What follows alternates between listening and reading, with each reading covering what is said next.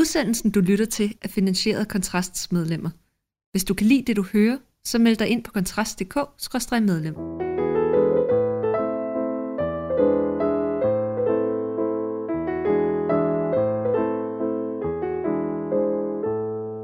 Velkommen til interviewet med mig, Mikkel Andersson. Og øh, i dag med mig i studiet, der har jeg Erik Gullager, som er mangeårig gallerist og kunsthandler inden for forskellige ting. Og øh, dag, når du hører den her udsendelse, så har øh, Erik sat en ganske, ganske, ganske særlig genstand til salg. Erik, hvad er det, du har, du skal sælge? Vi har fået til opgave at sælge øh, originalværket, original tegningen af Kurt Vestergaards Mohammed-tegning. Så der er, der er nok lagt op til en, en større begivenhed. Og hvis der skulle være nogen, der har boet i en, øh, en jordhul de sidste øh, 20 års tid, så kan jeg jo fortælle, at Kurt Vestergaards Mohammed-tegning nok er ud af de 12 tegninger, som Jyllandsposten trykte tilbage i oktober 2005. Den suverænt mest berømte, det er den, hvor man ser en noget vred udseende Mohammed med en bombe, øh, en tændt bombe i sin, øh, sin turban. Og Erik, hvordan er det, hvordan er det kommet dertil, at, at du nu skal sælge det, der vel nøgteren set godt kan beskrives som et, øh, et helt reelt stykke, stykke Danmarks historie, og nok også et af den mere kontroversielle af slagsen. Det er et stykke Danmarks historie, det, det er det utvivlsomt. Og måske også international historie. Øhm, hvad hedder det? Det er jo kommet dertil, at jeg har været gallerist for Kurt Vestergaard i temmelig mange år. Og øh, så er det så sådan, at på et eller andet tidspunkt, jamen, så er der noget, der skal, der skal skifte ejermand. Og der har jeg så i den forbindelse fået opgaven at sælge, øh, stå for auktionen og og, og sørge for, at den kommer ud, så alle har mulighed for at byde på den. Hvem er det, du har fået det til opdrag at sælge, at sælge den fra? Jeg vil jo antage, det var familien, når det nu var dem, der antager var arvingerne til det, men hvem er det?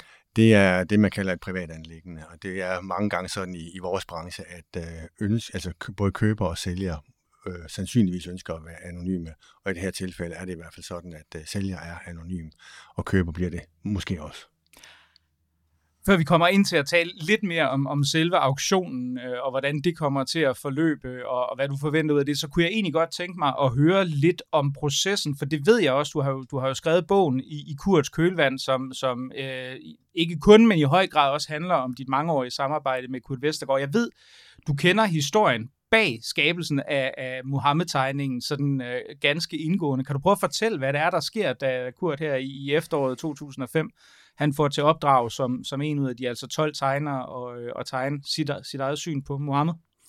Øh, der sker det, at øh, Kurdius får den her opgave, og øh, har egentlig lidt glemt det igen. Og står så en dag ude på Jyllandspostens toilet, og så kommer chefredaktøren ud og prikker ham lidt på skulderen og siger, Kurt, det er i dag kl. 14, der er deadline. Og Kurt, nå ja, du ved, det skulle han nok lige sørge for. Og får så øh, tisset af, og så vasker fingre og tager en serviet ud af automaten og tørrer fingre i den. Det gør han et par gange, og tager så yderligere en serviet ud. Og den går han så ind på hans arbejdskontor lige ved siden af, og slår en blæktegning op. Det vil sige, at alt med sort på Mohammed-tegningen er lavet på det stykke papir. Og det gør han faktisk ofte, og så går han så ud og tager fem øh, kopier af den her blæktegning på A4-ark, fordi han er jo lidt sparsommeligt anlagt også, så han vil ikke bare sidde og rute med papiret. Øhm, så han går ind, og så forarbejder han så de her fem øh, kopier, han har taget, indtil han tænker, at der er den, det er den her, vi bruger, og så vælger han en til sig selv, og en går i trykken, og så er der så i alt fem dybest set lige originale værker, men den ene af dem er jo så måske lidt mere berømt end de andre. Og øhm, med til historien er det jo så, at når man kigger rigtig godt efter på Mohammed-tegningen, så vil man kunne se både i skæg og i turban, at der er sådan en slags lidt riflet karakteristika hen over øh, papiret, og det er den sugestruktur, som ligger i sådan en, en serviet eller et stykke øh, køkkenrulle for den sags skyld. Og det betyder så, at man ligesom kan, kan sige derfra, at helt helt tilbage på, på grundelementet, der er Mohammed-tegning faktisk øh, lavet på øh, lokumspapir fra Jyllandsposten, hvilket måske giver det hele et lidt specielt tvist, men ikke desto mindre, så er det den faktuelle øh, baggrund bag Mohammed-tegningen, og øh, resten er jo så fremadrettet historie på den, kan man sige. Hvad sker der så med den oprindelige, øh, den, den allerførste øh, skitse, som han altså laver de, de senere kopier ud fra? Fordi... Altså den, den første, ja. hvad skal man sige, den, den, den, han har lavet på papir fra Jyllandsposten, så det, den smider han så ud, og det, har han sådan, det gør han altid. Han forarbejder så resten, og det vil sige, at han, den bliver ofte ved, og vi har talrige eksempler på, at han forarbejder øh, en, et af fire ark, indtil han er tilfreds. Så rigtig mange af hans satiretegninger er lavet på et af fire ark. Men den baggrund for den, den, den røg desværre ud samme dag. Ja, og der kan man jo sige, hvis det havde været noget, der var, der var sket om et par måneder, jamen, så kunne han jo altså have risikeret at være blevet straffet for blasfemi, hvis han så ledet Det skal vi ikke afvise havde, i dag. havde ødelagt det, det på den her måde, i hvert fald hvis han havde offentligt gjort det. Så kan man sige, men, men det er jo ikke kun én tegning. Der er jo ligesom, der, det tænker jeg, at vi måske også skal have på plads. Du sælger jo faktisk flere af de her Mohammed-tegninger, han laver oprindeligt. Men der er en af dem, der er så ganske speciel. Hvordan hænger det sammen? Øhm, der er som sagt de her fem udgaver af den, og øh, der er altså også forskellige rekviranter, øh, alle anonyme, hvor det så lykkes mig hen over årene at finde ud af, hvor, hvor de er henne. Og det er så det, der bliver sammensat nu til en auktion. Det vil sige, at vi har det hele på en gang. Og øh, en af de andre tegninger, han har lavet en tegning i, to, i 1994, der lavede han faktisk den aller, allerførste Mohammed-tegning, altså 11 år tidligere. Og den lavede han til Frederikshavns Kunstmuseum og Equilibrisamling. Og den har samlerne i den grad øh, kastet deres interesse over, for at finde ud af, hvor er den så henne. Og den fandt vi for nogle år siden i, i, hos en dansker i Madrid, og den købte vi så hjem for et kilo guld. Det var den afregning, han ville have. Det, det var ikke noget med penge. Det var en guldbar på et kilo, og det fik han så dengang. Og det var jo nok det, der hedder et, et godt køb i dag, kan man sige. Nu må, det skal jo siges, vi har jo, vi har jo gjort, som man gør i tv-køkkenet, og snydt og forberedt det her interview lidt tidligere, end, øh, end det bliver sendt. Vi laver det her den 18. oktober. Øh, men på det her tidspunkt må man jo sige, der er, som jeg tror PET vil beskrive det, sikkerhedstruslen relativt høj, og det skyldes jo både krigen i, øh, mod, øh, mellem Hamas og, og Israel, men altså også øh, øh de her koranafbrændinger og forskellige andre ting. Så, så, afbrænd, altså krænkelsesproblematikken er jo nærmest så, så, så stor som nogensinde. Er du ikke nervøs for et eller andet sted at stille dig frem øh, og, og være ham, der nu øh, ligesom sørger for at videreformidle det her øh, jeg tror, vi kunne pænt sagt kalde meget kontroversielle, i hvert fald i nogle kredse øh, værk. Jeg tror, det man kan være nervøs for, øh, det er, hvad der skal ske med tegningen efterfølgende. Øh, fordi hvis det her krænker nogle mennesker, eller på anden måde øh, får nogen op i det røde felt, så er der jo en helt unik mulighed for lige nu at bare købe den. Og så kan man jo bagefter gøre med den, hvad man vil. Så kan man sådan set brænde den, eller gøre altså lige, hvad man har lyst til. Det, jeg laver, det er en, det er en formidling af en, en kendt vare, og det er, er der ikke noget, hvad skal man sige, hverken krænkende eller problematisk i. Øh, jeg synes, det vil være godt for tegningen, hvis den havnede hos en samler i Danmark, øh, måske i USA eller et andet sted. Men det kan også godt være, at der er folk fra Mellemøsten, der synes, at den skal de da hjemtage. Og det kan jeg så være lidt nervøs for. Altså fordi der simpelthen kunne være nogen, enten øh, rige mænd eller sågar regimer, som kunne være interesseret i at byde rigtig højt med henblik på at ødelægge Kurt Vestergaards tegning, så man ligesom kunne lave et statement ud af det. Der er i hvert fald frit slag, og øh, vi kan jo ikke forhindre nogen i at, at gøre det, og vi vil heller ikke forhindre nogen i at gøre det. Nu er det jo som sagt øh, den 18. oktober i dag, men øh, der kommer en pressemeddelelse ud på flere sprog, så alle har mulighed for at læse om, hvad er det, vi sælger, hvad er det, der er i spil, og, øh, og så kan man jo byde på det, hvis man har lyst til det, og man kan lade være øh, forhåndsinteressen på nuværende tidspunkt, den er ganske stor. Men du tænker ikke umiddelbart, at, at der er nogen personlig sikkerhedsrisiko for dig forbundet med det, fordi vi har jo set tidligere eksempler på, på øh, islamister, der er blevet meget krænket over den slags ting. Altså selv oversætter af Salman Rushdies bøger er jo blevet, blevet truet personligt, og der kunne man vel også godt forestille sig, at nogen vil finde det, det krænkende, at, øh, at du stod og, og videreformidlede det her kontroversielle værk der er der altid nogen, der kan blive krænket Der er altid nogen, der kan blive sure, og der er altid nogen, der kan blive aggressive. Det kan vi jo ikke gardere os imod, specielt ikke med den udvikling, vi har i verden i dag. Øh, vi laver sådan set ikke noget, der er krænkende, fordi det, vi laver, det er noget, der eksisterer, det er noget, der er, det er noget, alle har forholdt sig til. Øh, jeg vil gå lidt den anden vej og sige, at det måske virkelig er sådan, at vi har faktisk fået stor øh, respekt og en, en vis opbakning, sjovt nok også fra den muslimske verden, fordi vi har håndteret det, som vi gjorde. Men derfor kan der jo stadigvæk godt sidde en derude, der synes, at uh, nu skal han derud og springe bombe et eller andet sted. Og det vil jo så være trist, men det vil så også måske understrege, øh, hvad det er, vi egentlig dybest set er op imod, og hvad det er, tegningen uh, repræsenterer. For nogle mennesker er det jo, aggressiv, er det jo en, en krænkelse, og for andre er det jo uh, kunstnerisk frihed. Og jeg repræsenterer så den side, der hedder kunstnerisk frihed, det vil sige kunstnernes ret til at må udstille, karikere eller parodiere, og, eller øh, for den sags skyld håne og latterliggøre. Og det har vi jo rigtig god tradition for. Vi har set Ulf Pilgaard øh, gå rundt i Cirkusrevyen som dronning Margrethe eller prins Henrik, og i den grad karikere kongehuset og parodiere dem og måske udstille dem. Og det, der er det gode ved vores kultur der, det er, at øh, kongehuset og dronningen og prins Henrik, de grinte med, når vi grinte, fordi det er sjovt. Og det fede ved, at det gode ved, at vi kan karikere og parodiere og, og udstille hinanden, det er jo netop, at det er inkluderende. I det øjeblik, at vi udelukker nogen, fordi vi synes, at det er jo forfærdeligt at gøre det over for dem, ja, så ekskluderer vi dem jo fra vores selskab. Så det vi gør, når Kurt, andre kunstnere, udstiller øh, øh, hvad hedder det, profeten eller andre, jamen så går de jo faktisk bare ind og inkluderer dem i virkeligheden. Så vi kan ikke se det helt store problem, men hvis de kan, så kan vi kun sige, jamen en gang for alle, nu det er første gang, de nogensinde bliver til salg alle sammen, så der er en enestående chance for, at de kan være med til at sætte punktum for den her del af det.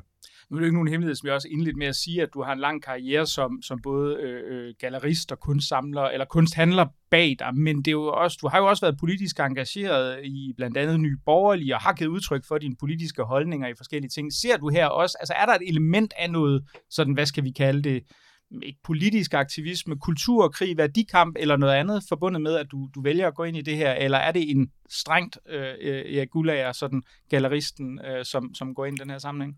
Jeg tror godt, du kan tage og begge dele med ind over. Fordi selvfølgelig har jeg som gallerist frihed til at vælge, hvem jeg vil udstille, og hvad for noget maling de så bruger, og hvad de nu udtrykker. det, der bliver problematisk, det bliver, når der kommer nogen og sætter en grænse for, hvad jeg må udstille. Øh, vi har altid sagt, at folk må gerne være, øh, de må gerne lave et skilt, hvor der står, at jeg er sur, og de må også godt lave en demonstration, hvor de siger, at de er meget sure, men de må ikke slå nogen ihjel for det, heller ikke Kurt Vestergaard. Der er vi nødt til at have en kunstnerisk frihed til at udtrykke os. Vi kan gøre det med bøger, vi kan gøre det i sang, dans, tegning, maling, kreativitet. Og i det øjeblik, at vi ikke gør det, så har vi jo et problem, fordi øh, så er vi inde på en glidebane lige fra starten af med at undskylde og, og ikke turde gøre noget. Og så er det jo en udfrakommende kultur, der sætter baren for, hvad vi må i vores kultur. Hvis ikke folk kan lide en sang, en dans, et digt, et tegning, you name it, så har de muligheden for at sige, så skal vi bare ikke se udstillingen eller købe bogen, eller øh, lære den dans. Øh, jeg har det sådan, at øh, den frihed, vi har til om at gøre det, vi gør på baggrund af den kultur, vi er, den vil jeg gerne være med til at holde i hævd. Og så har jeg jo så retten til at sige, så udstiller jeg nogen, og andre øh, udstiller jeg ikke. En ting, jeg måske tænker på i forhold til, i forhold til, til salget her også, det er, at mm, jeg vil jo umiddelbart forestille mig, et, et så prominent, det er jo af nyere dansk samtidskunst, det kan man jo så tage med anførselstegn, ja. eller ej, det, så er der jo meget, meget få værker, der er så internationalt kendte som det her. Der er vel få danske sådan visuelle ting, som, som er lavet de sidste 30 år, som er noget, som folk i alle mulige dele af verden, USA, Mellemøsten i høj grad andre steder også kender. Og det, det, man kan selvfølgelig sige, men hvorfor er, det ikke, hvorfor er det ikke et stort internationalt auktionshus, der går ud og sælger det her? Hvorfor er det dig? Øhm, allerede i 2009 var øh, faktisk på øh, Michael Jacksons dødsdag, kan jeg huske, der var vi i London, og vi havde originaltegningen også, som vi har set her nu, øh, den havde vi med til Sotheby's. Og øh, da det går op for dem på sådan en, en indleveringsdag, de havde, hvad det egentlig var, vi kom med, så røg vi jo hurtigt ind i et baglokale, og yderligere ind i et baglokale, og så kom der efterhånden topchefer ned fra de øverste etager, for de skulle se det her, og de var jo, øh, de var jo nærmest, øh, som om det var den hellige gral, vi stod med. Og, og de sagde sådan direkte til os, at this is a priceless piece of collector's item number one. De var fuldstændig på det rene med, at det her, det var det helt store hit. Øh, men hun siger så også, øh, som jeg tror er måske chefen overfra, at du kan nok forstå, her, her Gullager, vi kan ikke sælge sådan en tegning og have den på på side 5 i vores auktionskatalog. For dukker den op, så uanset hvad den måtte kunne indbringe, så kan vi få nogle økonomiske følger, der gør, at vi mister hele vores klientel i Mellemøsten. Og så vil det også være en dårlig forretning. Og det er så det, de pakker den ind under, det er økonomi. Og det er et helt forståeligt argument. Øh, det kan et så stort og velrenommeret auktionshus ikke, uagtet det i den grad kløde i fingrene på dem. Og den samme øh, respons har vi fået fra Christie's senere i New York, at øh, det var godt nok ellers en lækkerbisken, men nej tak. Men du er altså ikke bekymret for at miste, miste hele din, uh, din eventuelle mellemøstlige kundekreds på den konto, så? Den er relativt begrænset, vil jeg sige. men, men faktisk, og det er jo det paradokse ved det, det er, at uh, jeg har solgt uh, Mohammed-tegninger til otte lande i Mellemøsten. Og, øh, og, og de har jo altid pointeret, at du, det må endelig sende den anonymt, og, og de synes, det er så fantastisk. De har sådan en, en kopi, der blev lavet tusind en gang, øh, kopier af den, der blev solgt. Og, øh, og der er i hvert fald i, for mit vedkommende solgt til otte muslimske lande, og de har det egentlig meget afslappet med det. Der er bare nogle enkelte, der ikke har det. Så kommer vi jo til det, til det åbenlyse spørgsmål. Hvad, øh, hvad kan sådan øh, en, øh, en Mohammed-tegning, hvad forventer du, at det kan, kan indbringe på det frie marked? Det er nok øh, det, er det der hedder 10.000 kroner spørgsmål. Det er det helt store spørgsmål. Øhm, for mange år siden, der var der en fiskeskipper fra Hanstholm, der ringede mig op. Og han sagde sådan på, på godt vestjysk, at han ville gerne købe den der tegning. Og jeg spørger, hvad, hvad, hvad taler vi om? Men den der Mohammed Mohammed på. Og øh, hvad han skulle give for den? Så siger han, den er sandelig ikke til salg. men øh, hvis nu jeg kommer med en bitte pose, siger han så, med en halv million i, kan det så lade sig gøre? Og det kunne det absolut ikke. Og så siger han, nå, og holder sådan en lille pause. Men hvad så, hvis jeg har to poser med, siger han så. og det var så et bud på en million danske kroner, og den er vi, den er vi slet ikke i nærheden af i dag. Øh, vi er noget højere. Okay. Men jeg kan ikke sige, hvad det ender op med. Det er markedskræfterne, som, som, må, som må vurdere det. Øh, vi har nogle indikationer, og vi har hørt mange tal undervejs, rigtig mange store tal, fra samlere, øh, også fra USA og fra Italien sågar, øh, har vi fået nogle ret voldsomme bud tidligere. Øh, og det der blev takket øh, nej til øh, fra forskellige øh, af de øh, rekviranter, vi nu kender i dag.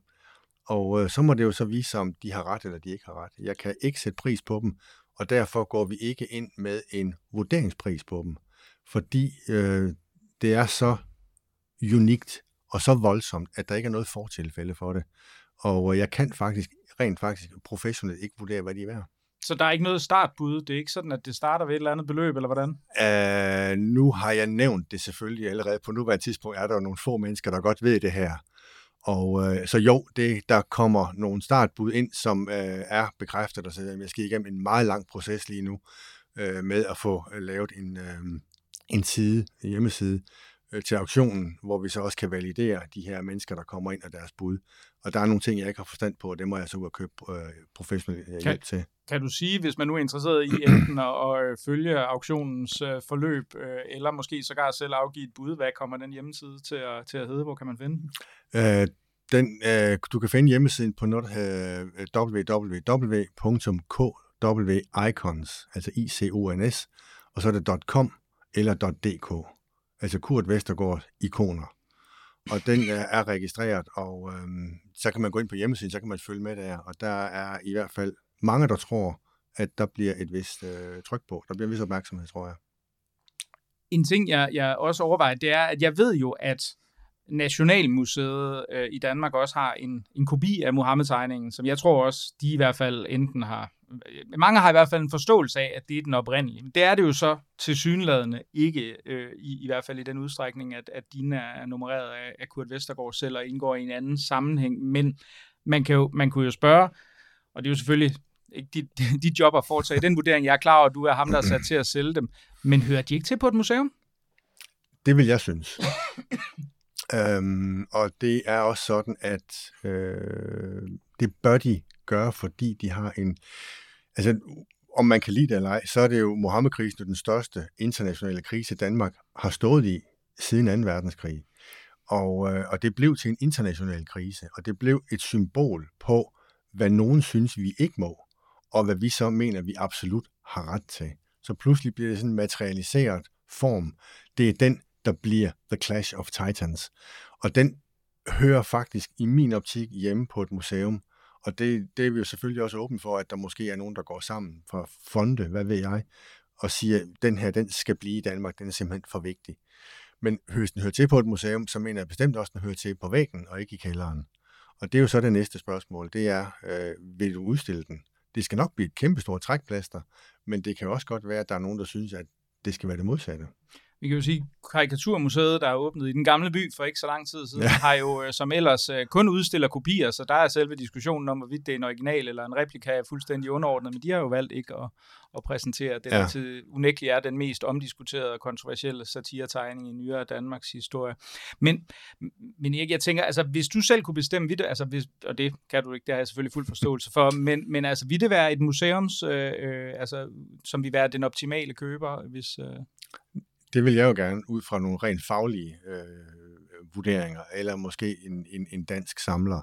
Jeg synes, den, den fortjener en plads. Det vil være trist, synes jeg, hvis der står en mand nede på torvet i Riyadh efter en fredagsbøn, og ligesom skal have lidt street credit ved at brænde den af. Øh, men, men det er den mulighed, der ligger, fordi vi har øh, nu aftalerne fuldstændig på plads med de forskellige rekvirenter, og de er indforstået med, at den kan ryge både til højre og til venstre. Og, øh, og det er så der, vi, vi står. Men, men øh, et, et lille fromt ønske kunne jo godt være, at der var et par fonde eller nogen, der gik sammen og sagde, at det er så væsentlig en ting, at den skal bevares i Danmark. Øh, og det næste, som sagt, som jeg sagde før, det vil så være, at øh, kunne vi så også få den op på væggen, ville det være fint. Vi har jo på et tidligere tidspunkt øh, reproduceret de to tegninger, du har billeder af der, i 40 eksemplarer, og der er et af, af de eksemplarer, der hedder ME, som står for Museum Edition. Og den øh, aftalte vi i 2013, at den øh, skulle vi låne ud til dem, der havde lyst til at have den hængende. Og det er der forløbig øh, kun et sted, den har været, det er på Christiansborg. Og øh, lige nu er den så til, til udlån igen. Men det er jo så igen en reproduktion. Auktionen her, det er originalerne man kunne jo sige, at der vil være en vis ironisk ting forbundet med, hvis der faktisk er en eller anden arabisk rigmand, som ender med at købe den, og så øh, stå meget hårdt på sin ret til at brænde sine egne tegninger, hvilket jo så ikke vil være noget, man kan gøre i forhold til sine egne koraner her i Danmark på det tidspunkt. Altså jeg vil sige, hvis, øh, hvis du kan jo selvfølgelig også købe den, og hvis du så stiller dig op og brænder den originale Mohammed-tegning af, så kan det jo godt være, at Lars Løkke han kommer efter dig og siger et eller andet. Men hvis der er en muslim, der gør det, så er det måske okay jeg tvivler på, at der er nogen, der vi komme efter, nogle myndigheder, der vi komme efter en muslim, som brændte en, en, en øh, uh, Mohammed-tegning af, på, i, uh, i, i hvert fald i det øje med. Men uh, vi må jo se, hvad der sker. Jeg er i hvert fald super glad for, at du kom og fortalte om den her særdeles interessante auktion, som, uh, som nu går i gang i forbindelse med et vaskeægte stykke Danmarks historie. Erik Gullager, forfatter til I Kurs Kølvand og gallerist, kunsthandler og meget andet. Tak fordi du kom i dag. Selv tak.